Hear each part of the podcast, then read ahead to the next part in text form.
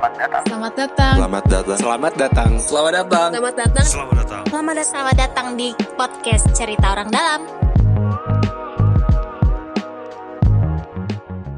Iya, kembali lagi bersama podcast cerita orang dalam. Ini kita punya salah satu episode spesial ya. Um, ini saya nggak bisa membayangkan nih gimana saya harus me- mem- membawakannya secara ceria seperti biasa, bercanda atau sedih gitu. Serius pak, serius. Serius ya. Soalnya tadi narasumbernya sempat bilang bahwa eh, apa ada namanya survivor bias Benar, yang benar. yang harus disampaikan secara serius. Iya. Meskipun saya punya pertanyaan yang sangat eh, vital sebenarnya dalam konteks Iya. ini semua. Eh, sebelum mulai, jadi salah satu personel kita eh itu kemarin tiga minggu yang lalu itu mendapatkan surat cinta dari puskesmas dari lab, dari lab. dari lab. Jadi yang diumumkan bahwa beliau itu positif COVID-19. Pas ya tanggal 1 eh gua itu tesnya tanggal 30 Eh, jadi cerita gini nih, apa? eh, kan kita tiap hari sejak Maret tuh udah ngurusin Covid ya. Ya. Apa eh, tracing, testing segala macam, prokes, protokol kesehatan, vaksin gitu. Kayak apa di ground zero-nya lah gitu terkait Covid. Dan sebisa mungkin memang apa menggunakan protokol kesehatan segala macam gitu. Nah, cuman agak eh, red alert karena salah satu eh, senior kita ya, Iya, iya, senior kita di ruangan itu positif betul sekali. gitu. Tiba-tiba jadi parno semua kan gitu. Tiba-tiba jadi parno, akhirnya satu ruangan, gak cuma satu ruangan kayak semua orang di Semua yang di ter blok itu ah. di mengikuti swab. tes swab gitu. Tes swab yang sudah keberapa kalinya? Gue inget banget kayak sebelum kita tes tang- eh, swab tanggal 30 Tiga hari sebelumnya gue juga udah tes swab kan Karena ada yang masih Jadi hidung gue udah kayak begitu udah mencium-cium dekat-dekat lab tuh hidung gue langsung merah-merah itu Trauma Eh, Nah terus eh, kita tes dan kemudian begitu tes langsung pulang malamnya dini hari dikabarkan biasa kalau berita buruk kan datang dini hari kan Iya. jadi begitu udah teman kita yang K itu eh, WA deh was siap mas lu positif ya. Waduh. Eh, siap kalau sudah ditentukan demikian Dipositifkan atau positif itu? positif dan katanya juga apa eh, CT value-nya agak rendah kan jadi Mhm. infeksius lah gitu jadi eh, nggak ke mana-mana oke eh, apa ya siap nggak siap sih karena sebenarnya begitu jadi eh, secara psikologis kan kita setiap kita mau tes swab kita selalu ada bayangan hasilnya bisa jadi positif gitu kan Hmm, betul. dan sudah berkali-kali itu negatif. Nah, yang terakhir ini beneran positif. Gue satu sisi kayak akhirnya gitu kan positif juga gitu. Eh, apa? Ya udah habis itu ditanya ada gejala apa enggak. Gue langsung dikontak sama malam itu juga dini hari ah. eh, sama Ngabila, Dok Ngabila gitu. Tracing segala macam Hmm. gitu kan. Lalu paginya gue dikontak lagi sama tim puskesmas gitu kan. Hmm, Eh, lalu setelah dari tim puskesmas untuk tracing, lalu dikontak lagi oleh dokter puskesmas yang setiap hari ngecek Hmm, hmm. eh, perkembangannya seperti apa, ada gejala apa enggak gitu. Aha. Nah di gua gejalanya itu sebenarnya eh, kalau boleh dibilang ringan sih ringan karena kayak badan capek gitu lemas gitu. Beberapa hari sebelumnya sempat meriang, cuman gue pikir kayak masuk angin doang kan. Soalnya gue ingat Jumat itu kan Jumat. lu nggak ke kantor karena ke lu ngerasa Karena gue merasa nggak enak kan, badan. enak badan. Dan Tapi lu- gue hadir di satu meeting walaupun sangat social distancing ya. Hmm, Gue inget tuh jadi ade itu Kita eh, sudah rekaman deh. Iya harusnya harusnya rekaman kan waktu itu. Untung kita nggak jadi rekaman ya. Jadi Kalau jadi rekaman. kalau jadi rekaman kita semua kena ini satu ruangan. Tapi Iya. anyway waktu itu Jumat itu kita jadwalnya rekaman. Tapi eh, ada bilang ah gue gak enak badan nih gitu. Eh, Nggak enak badan nggak tapi gue harus gue harus eh, apa namanya meeting sore. Oke. Cuma kan lu makan siang kan? Makan siang pun gua makan siang doang makan gua. siang di ruangan kan. Iya. Nah makan siang di ruangan. Nah gue tuh ada sama ade sama-sama makan siang gue ingat sama-sama makan siang.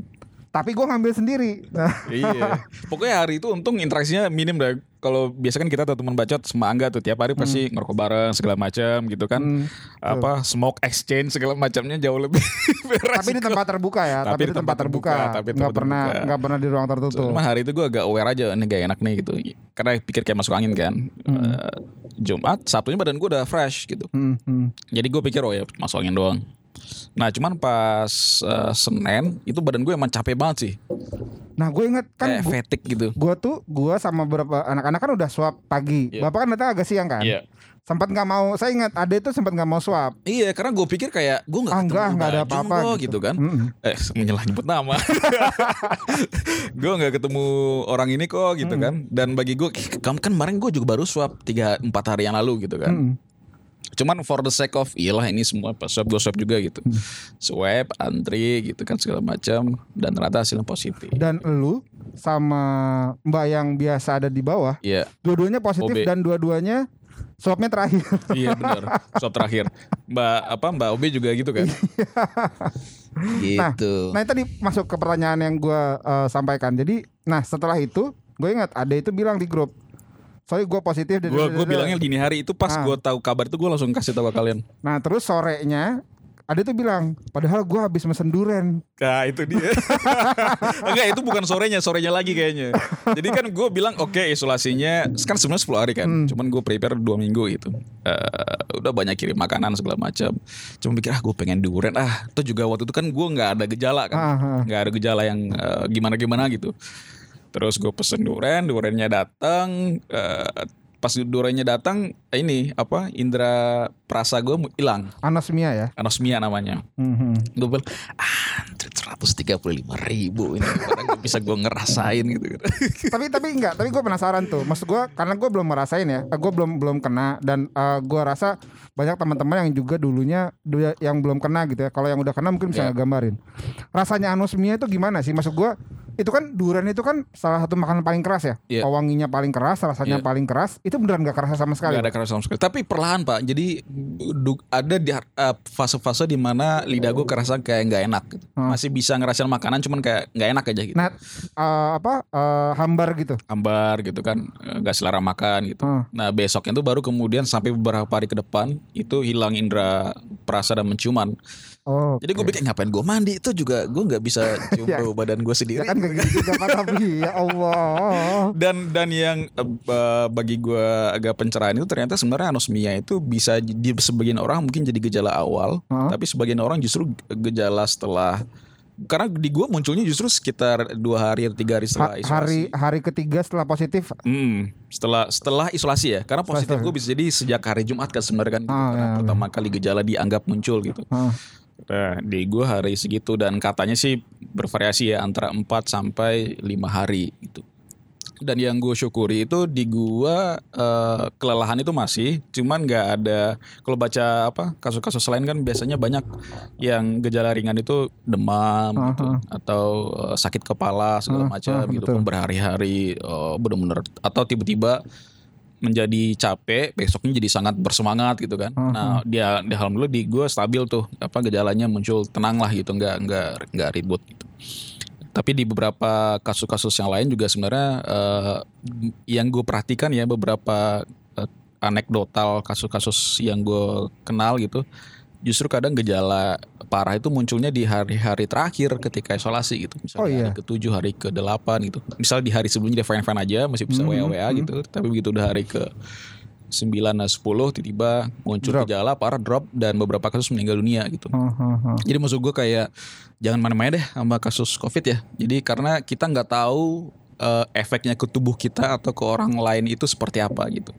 Ada juga yang OTG ya udah kalau lo OTG good eh, isolasi gitu tetap waspada eh, tapi juga jangan eh, ngeringanin gitu kasusnya Mhm, gitu. mhm. Dan sekarang juga momennya tepat karena lagi liburan semua, banyak yang jalan-jalan segala macam eh, dan agak sedikit abai prokes, eh, ya itu hati-hati gitu. Nah, another drama nggak Hmm.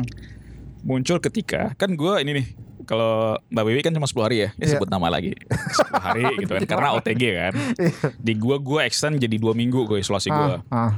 dua minggu eh, dan sebenarnya dal- kalau dari eh, apa persyaratan WHO dan diadopsi juga oleh Kemenkes dan oleh Dinkes kasus itu bisa dinyatakan sembuh ketika dia sudah menyelesaikan isolasi isolasi eh, 10 hari 10 sampai hari. dua minggu atau tiga hari setelah gejala terakhir muncul gitu. Hmm, hmm.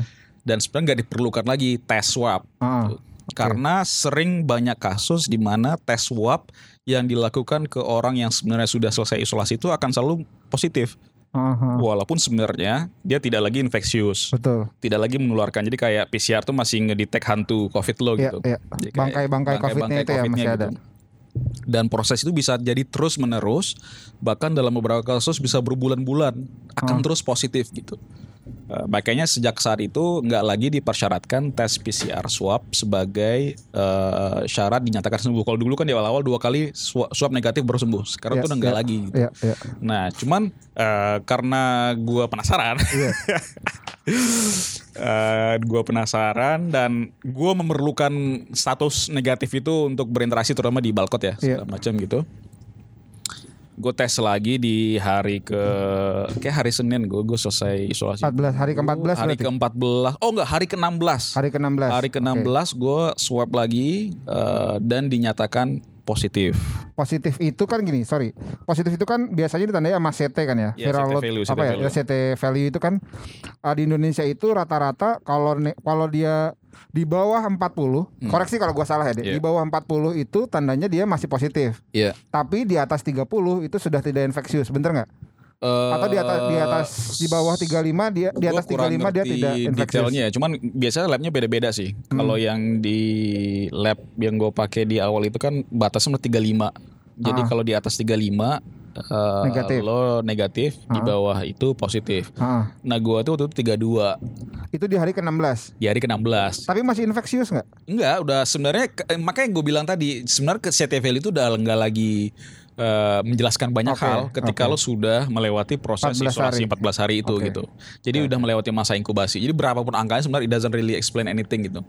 Kecuali di bawah 30 kan. Enggak juga sebenarnya gitu. Enggak juga seperti itu. Kalau infeksius itu berarti berapa? Infeksius itu kalau misalnya eh, dalam gejala semakin rendah angkanya, mas- semakin tinggi resiko lo untuk menularkan ke orang lain. Oke. Dan sebenarnya ketika semua dinyatakan positif itu ya juga pada saat awal infeksius gitu kan. Iya, Tapi iya. ketika lo sudah inkubasi Hmm. sekian lama gitu, eh, menurut hasil penelitian formalnya itu nggak lagi diperlukan PCR karena kemungkinan masih akan terdeteksi hantu-hantu. Oke. itu gitu dengan angka yang bervariasi gitu. Gitu. Cuma kan gue langsung kan semua update gue kasih ke kalian kan. Hmm. Iya. Jadi wah ini gue masih positif nih. Ah, nying, nying. Tapi saat sih gue juga, juga jelasin ke kalian sebenarnya nggak perlu lagi ada Ah, makanya eh, ada berapa orang kayak OB segala macam eh, temen kita udah selesai 10 hari nggak ada gejala udah bebas dapat surat Hmm. gitu kan. Nah cuman gue kan agak gue nggak diri gue kasus unik lah gitu. Iya. Jadi memerlukan tes tes eh, terus hasilnya positif gue share juga kalian gitu kan lihat reaksi kalian aja nih gitu Ah. ada yang paham ada yang agak oh ada, ada. gitu. ya which is bagi gue juga masuk akal sih Iya, gitu iya. kan karena gue kalau gue nggak kena kasus ini gue juga bahkan nggak ngeh gitu apa sih yang dialami oleh orang yang setelah Hmm. melewati fase fase inkubasi gitu So, berarti sebenarnya gini deh. Berarti uh, semua yang positif setelah 14 hari isolasi itu harusnya nggak nggak menularkan apa pun gitu ya. Jadi dengan asumsi gejala terakhirnya udah selesai ya Iya. gitu ya. jadi maksudnya uh, apa teman-teman yang lain juga yang dengerin gitu kalau ada yang kena kasus positif Iya. dan dia sudah 14 hari isolasi Iya. lebih baik ya dia nggak kena dia apa-apa aman, gitu dia aman. dan tetap jalankan prokes gitu. Hmm, tetap prokes kan harus ya. Harus. Uh, dia positif atau tidak positif dia tetap prokes. Tapi Iya. stigma itu nggak boleh Stigma ada gitu. jangan karena boleh karena memang udah tidak menularkan. Iya. Nah, baik lagi tadi ada cerita anosmia itu bisa jadi di awal bisa di tengah-tengah. Iya, Nah. ternyata seperti itu. Kalau dulu kan itu kayak gejala awal kan. Dulu Wah, gejala tiba-tiba awal. gue ah cek gitu iya. Nah, berarti kalau misalnya ada yang tiba-tiba hilang kehilangan indera perasa dan uh, penciuman eh dengan se- segala kesadarannya harusnya itu ngasih Harus. tahu ke Harus seminggu tahu. sebelum dan seminggu seminggu Iya. sebelumnya kasih tahu lah Iya. ke orang-orang gitu Iya. ya bahwa jangan-jangan bisa jadi lu kenanya itu nggak di awal tapi iya, di bisa tengah-tengah jadi itu gitu. gejala tengah lu gitu, bukan Hmm, gejala hmm, awal lu gitu. Gitu sih, Pak. Dan apa eh beberapa kasus yang gue lihat juga makin banyak orang yang eh, hasilnya terus-terusan positif. Oke. Dan menurut studi itu bahkan bisa berbulan-bulan, bisa sampai enam bulan gitu. Lo bayangin nggak? Mhm, enam bulan, lo udah nggak infeksius, lo udah aman, udah dinyatakan sembuh gitu. Tapi hasil PCR lo akan selalu positif gitu. Terus kebayang stres gimana? Karena gue aja stres pak. Jadi kayak begitu hasilnya eh, masih positif, Hmm.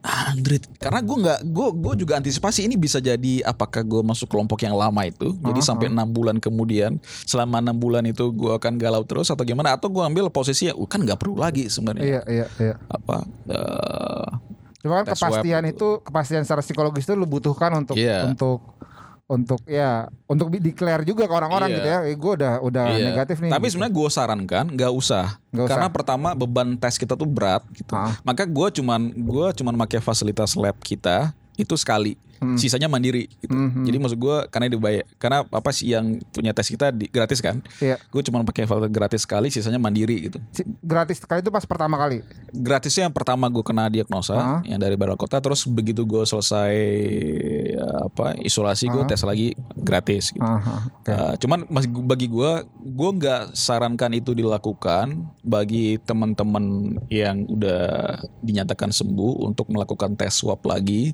karena juga sebenarnya nggak ada gunanya dan beban tes- testing kita tuh lumayan banyak saat ini Hmm. Iya, gitu. iya, iya. Dan alangkah baiknya jika testing itu difokuskan juga untuk teman-teman yang mendiagnosa apakah dirinya kena kasus pertama apa enggak gitu. Gitu sih. Nah, pertanyaan gue deh. eh buat yang buat kayak gue nih, gue belum pernah belum belum positif gitu. Apa sih yang paling parah di di masa isolasi lu? Apa, apa yang lu bayangkan ah, itu parah banget selama isolasi? Karena kan lu sendirian. Iya. Pernah gak sih lu bayangin? Karena kan tadi penurunan cepat itu kan sering. Iya. Lu pernah ngebayangin gak sih kalau misalnya tiba-tiba lu eh, udah ngerasa baik-baik aja terus tiba-tiba drop gitu? Iya. Apa apa yang lu rasain selama selama isolasi? eh gue tuh eh, selalu kan dokter ngecek terus ya Hmm. dokter dari puskesmas ngecek terus apakah ada gejala apa enggak terus gue juga beli alat apa yang buat deteksi kadar oksigen gitu kan Eh, terus eh, suhu temperature gitu. Hmm. jadi kalau dari dok Bila bilang eh, kalau misal di angka oks- saturasi oksigennya di bawah 95 whether ah, walaupun lo merasa sehat Iya. lo harus segera ke IGD gitu kan gitu. Eh, tapi satu sisi juga ini apa enggak yang gue khawatirkan gini. Eh gue bisa aja sebenarnya ngambil rumah sakit nih. Ah, ada beberapa tawaran gitu kan ayo ke rumah sakit aja segala macam gitu tapi satu sisi gue juga tahu demand rumah sakit lagi tinggi tingginya Iya, gitu. iya. dan gue tuh bukan kelompok yang paling membutuhkan saat ini Oke. jadi sebisa mungkin isolasi mandiri itu dilakukan karena mengurangi beban rumah sakit untuk ngurus lo yang sebenarnya juga fan-fan aja gitu ya. Iya, iya. Ya mungkin efeknya nggak terlalu kerasa gitu. Hmm. Tapi yang tadi benar kata lu juga nggak nggak bisa lo anggap isu gampang walaupun gejala lo ringan karena bisa jadi gejalanya parah muncul di akhir-akhir kan Hmm, seperti hmm. beberapa kasus yang gue kenal gitu. Jadi tetap eh, monitor terus dan sedikit apa pun yang lo rasakan kasih tahu ke dokter lo. Mhm. Jadi nggak nggak jadi biar jangan keputusannya jangan bisa kuat gitu juga. iya ya. jadi biar keputusannya tuh bisa diambil oleh pihak apa eh, dinkes gitu Mhm. gitu sih Dan berarti teman-teman dinkes di DKI juga responsif ya? Maksudnya maksudnya ini gue nggak tahu ya apakah ini terlepas karena lo yang ngurusin dari awal gitu atau Enggak memang kok dokter-dokter semua yang kontak gua dari pertama nggak tahu kasus- nggak tahu. baru di hari keberapa dia nanya gitu mas ini ya anggota ini ya jadi kayak gitulah jadi nggak nggak tapi memang responsif ya? Gue nggak bisa katakan responsif tuh sekali lo WA dia langsung balas ya mungkin ada Aha. jeda sejam karena bebannya pasti banyak kan Iya iya. dia pasti ngontak ratusan orang lainnya gitu Hmm. jadi tapi apakah setiap gua nanya dapat jawaban iya gitu Oke. dia pantau iya pantau gitu jadi salut deh maksud gue dengan teman-teman Teman-teman dinkes ya. Ah. Tapi tapi berapa kalau yang lo tahu berapa sih satu beban beban satu dokter kira-kira ya? Ini ini buat ngebayangin ya skala Iya. skalanya tuh seberapa besar gitu. Kira-kira satu satu dokter itu mantau berapa berapa Gua orang? kurang tahu k- karena kita berarti hitungannya harus dibagi per puskesmas bagi per wilayah cuma kalau rata-rata kasus aktif Jakarta sekitar 11 ribuan ya Ah, dibagi ke eh, enam kota dan kabupaten dibagi lah ya mungkin dugaan gue sekitar puluhan lah satu dokter bisa jadi ya 10. bisa jadi sekitar 20 30 gitu Dan itu kan nggak cuma satu kali WhatsApp doang kan, pasti ada yang nanya-nanya Iya. terus-terus Ah. gitu. ya. Jadi Mm. Ya salut sama teman-teman dinkes juga nih yang yang yang kayaknya memang garda apa ya kalau bahasanya di kita tuh garda terakhir ya. Iya. Dan bagi gue gini pak, eh, kita sebagai pasien juga tahu ini kondisi pandemi dan nggak ada yang siap gitu. Jadi kalau misalnya agak slow respon dalam artian lo WA baru dibalas sejam lo jangan eh, netepin standar kayak lo mau ke bank di hari-hari biasa gitu. Mhm. Karena lagi panik semua nih gitu dan Mhm. they are doing their best untuk bisa Ah. serve you gitu kan gitu. Gitu sih. Oke. Nih Dan kayaknya akhirnya setelah tiga kali tes pak, akhirnya negatif ya sekarang. akhirnya negatif gitu. Oke. Ini ya memang apa ya? Ini jadi eh, kita tuh kita tuh di studio gitu ya. Kita semuanya sama-sama taat prokes gitu. Kadang kalau teman-teman lihat di video, kita kalau rekaman juga eh, pakai masker gitu. Ganti terus ininya Ah, ganti apa cover. ganti mic covernya meskipun kadang-kadang jaraknya terlalu mepet tapi ya anyway aman. Sampai akhirnya eh, kabar itu tiba. Untungnya. Gak ada dari kalian yang kena kan? nggak ada. Karena saya memutuskan pada hari itu. Nggak rekam untuk nggak ke studio. kalau sampai hari itu rekaman sudah kita semua masuk isolasi Iya. bareng-bareng. Gitu. Jadi kesimpulannya adalah eh, mungkin yang belum dipahami publik eh, sembuh itu dinyatakan sembuh jika eh, udah menyelesaikan masa isolasi mandiri eh, selama 10 hari atau sampai dua minggu tergantung gejala terakhir muncul. Tanpa harus melakukan tes swab lagi gitu. Jadi Ya, kalau ada ya. teman kalian positif dan udah menyelesaikan masa inkubasinya jangan kalian nanya negatif negatif udah negatif belum? gitu. Karena juga bingung dia jawabnya gimana kan Iya, gitu, iya. gitu gitu. Eh, gitu sih pak. Nah, eh, ini satu lagi nih yang yang saya, saya yang yang saya pengen karena karena eh, biasanya ini terjadi sama sama orang-orang di Indonesia gitu ya. Begitu ada satu yang kena gitu. Dapat apa aja, Pak? Selama selama isolasi kan dikirimin macam-macam tuh. Pasti kan Iya. ada yang ngirim ini, ada yang ngirim itu. Ada yang minta ini, ada yang minta itu Iya. gitu. Apa aja yang lu dapat di tempat iso- di, di, di tempat isolasi lu gitu? Eh, alhamdulillah pak teman baik kita pak Hasan. Yang paling responsif. Pagi-pagi langsung ngirim apa obat-obatan yang Rin Hua itu ya yang sini. macam-macam lah. Intinya gue tuh sangat apresiatif terhadap teman-teman yang langsung reach out apa eh, ngirim segala macam untuk obat-obatan yang bahkan gue nggak bisa baca gitu kan. Cuman yang paling dibutuhkan sebenarnya dalam masa inkubasi itu adalah vitamin. Oh, Oke. vitamin C dan D gitu ya kalau nggak salah gitu. Jadi dua hal itu yang paling penting nah sisanya sih menurut gua ini ya apa untuk meningkatkan imunitas aja lah gitu. Kalau yang kasih perhatian lebih gitu ada nggak, Pak? Ah, nggak ada pak. Aduh. ini juga pelajarannya. Kalau mau ngasih makanan jangan ketika prode-prode lo lagi nggak bisa ngerasain apa-apa Oh ada yang gitu ya? Ada yang gitu ya? Kode nih kayaknya. Aduh. Soalnya ditanya dulu eh, Udah bisa makan belum? bisa ngerasain apa belum Mas gitu kan gitu. ya. jadi gitu. Ya saya harap jangan sampailah teman-teman di sini. Ya, ya. pernah merasakan eh, periode itu gitu. Ya gitu. Jadi em, teman-teman terima kasih. Eh, Tadi episode ini sebenarnya tidak pernah direncanakan. Enggak sih sebenarnya. Ya masa gue rencanain positif bro? Iya. Cuma ini memang Ini ada- adalah episode terakhir ya Gue Apa? nggak mau lagi nanti kita rekaman lagi terus ada testimoni lagi. Tapi ini adalah episode yang kita pikirkan begitu dapat kabar gitu. Tujuannya bukan apa Monetasi monetasi. Ya, tujuannya adalah tadi apa seperti yang tadi Mas Ade sempat sampaikan bahwa yang paling penting itu ada mengklarifikasi stigma gitu bahwa Iya. tidak ada uh, bahwa semua yang sudah pernah kena itu tidak tidak akan menularkan kembali. Ya Uh, sehingga nggak perlu lagi tuh ada stigma eh si A covid nggak usah deket-deket eh si hasilnya B. hasilnya eh, belum negatif gitu. Iya nggak ada tuh nggak ada apa belum negatif kadang tapi status negatif itu dibutuhkan ketika seseorang bi- harus interaksi ke banyak orang gitu ya Bahwa itu menurut bapak berarti tadi kan enggak, tadi tadi bapak bilang sendiri bapak kan? yang bilang sendiri Eh, ini kan karena ini pak apa saya membutuhkan status negatif di karena lingkaran interaksi di balkot gitu lingkaran satu iya maksud Tapi gue begitu udah selesai itu gue udah beraktivitas seperti biasa sebenarnya, cuman menghindari ke ruangan ini gitu kan Ah. atau tempat meeting sempit-sempit gitu. Jadi maksud gue once lo udah selesai, tapi makanya harus jujur ke dokternya. Iya, gejala terakhir muncul lo tuh kapan gitu. Jangan sampai sebenarnya lo di hari ke-10 masih batuk-batuk gitu kan sesek. Tapi karena udah udah lo bilang oh 10 hari selesai, jangan gitu juga Oh, gitu. ma- Nah itu tadi jadi panjang nih. Tapi jadi saya penasaran. Gejala yang tadi bawa maksud itu gejala apa? Maksud masuk maksud saya maksud gua itu kan tiap orang beda-beda ya. Iya. Gejala terakhir itu muncul itu yang Iya. kayak gimana? Jadi misal gini Pak, sesederhana misal gue diare nih gitu. Oke. Walaupun kadang bisa jadi itu bukan karena covidnya gitu kan, Iya, karena iya. lo makan gak cuci tangan aja gitu misalnya. Atau gue bersin bersin. Nah semua informasi itu lo kasih tahu ke harus dokter lo. ke dokter Hmm. secara terbuka gitu ya. Iya. Jadi mau itu bersinnya sekali-sekali tetap dikasih Iya. tahu bahwa Oh. masih bersin gitu. Iya. Kalau diare masih diare, Iya. masih pusing, masih mual Jadi gitu ya. agar dokter itu bisa ngukur ngambil pertimbangan melepaskan lo tuh pakai pertimbangan paling konservatif gitu. Hmm. Oh ini berarti amannya mungkin tiga hari lagi lah gitu gitu. Yaudah ikutin aja. Maksud gue jauh lebih baik seperti itu daripada lo kayak apa eh, ngitung-ngitung sendiri segala macam lah gitu. Oke. Nah, tadi tambahan terakhir. Nah, Oke. begitu. Terima kasih eh, teman-teman, aduh, saya kita sebenarnya ada closing baru, tapi saya belum. Kok bisa ada belum closing biasa- baru? Oh, bapak nggak? Wah, ya ini udah sabotase ini. ada closing kudeta nih, kudeta ada ini. closing baru apa nah, dengerin terus cerita kita karena informasi kita informasi orang dalam Wes. Bye. Jaga terus kesehatan.